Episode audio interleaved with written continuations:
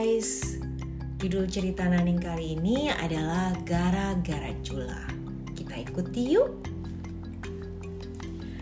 Hari ini hari yang cerah. Para binatang keluar bermain bersama dengan riang gembira. Ada Cici si kelinci, Momo si monyet, Elo si gajah, Koko si jerapah, dan masih banyak lainnya. Ketika asik bermain, tiba-tiba terdengar suara teriakan.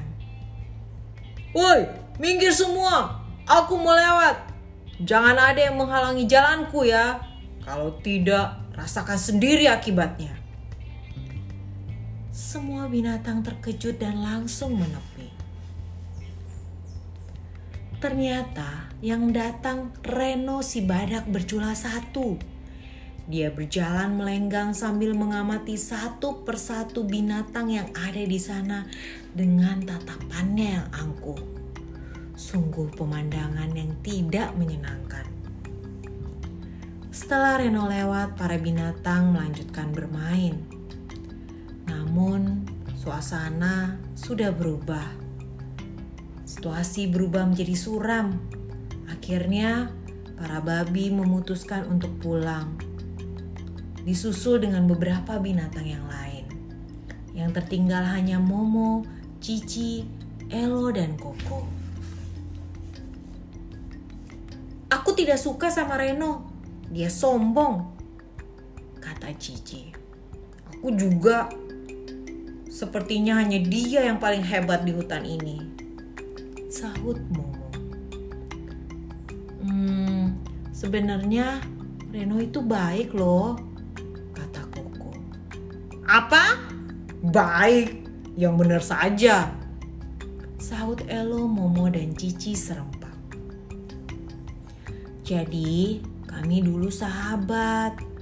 Tapi, semakin kami besar, Reno tiba-tiba berubah. Dia tidak mau main lagi sama aku. Aku tidak tahu kenapa. Ujar Koko sedih. Sebenarnya, Reno mulai berubah ketika culanya semakin besar. Ayah Reno berkata, cula merupakan lambang kehormatan bagi kaum badak, selain untuk mempertahankan diri. Sayangnya Reno salah mengerti.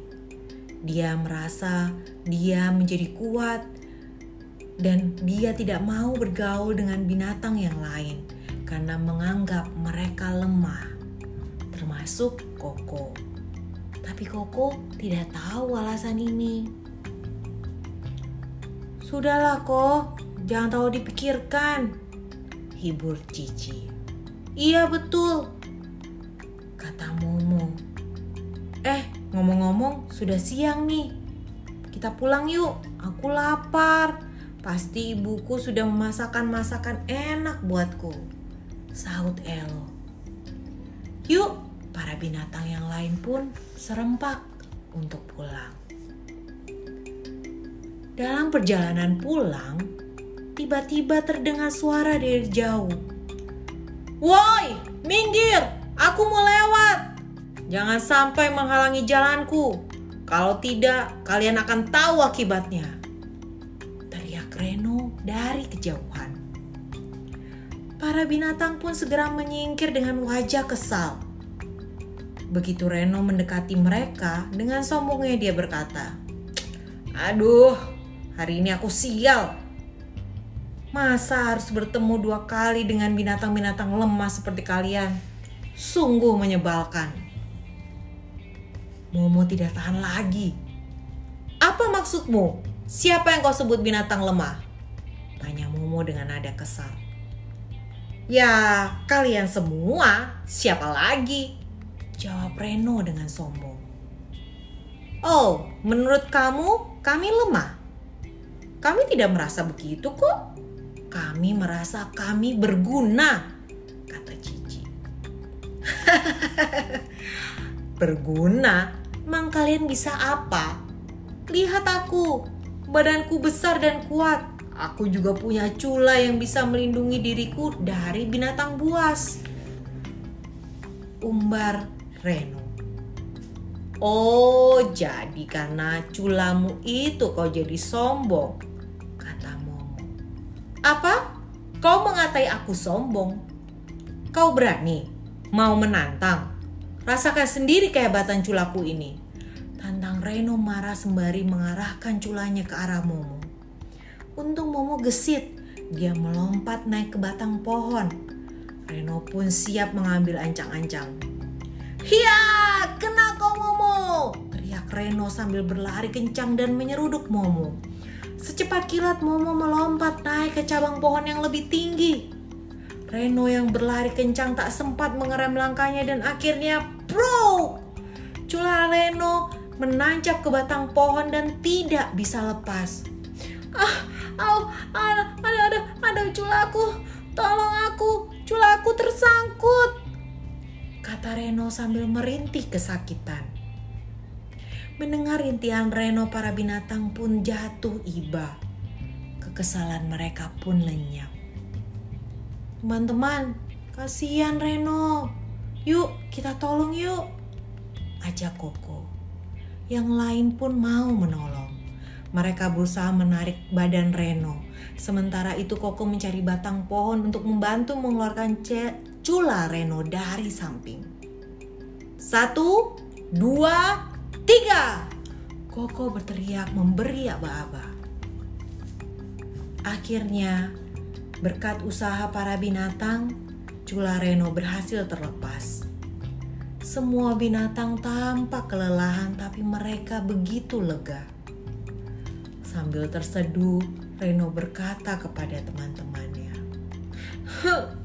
Terima kasih teman-teman. Berkat kalian aku selamat. Maafkan kesombonganku selama ini ya. Iya Reno, kami memaafkanmu.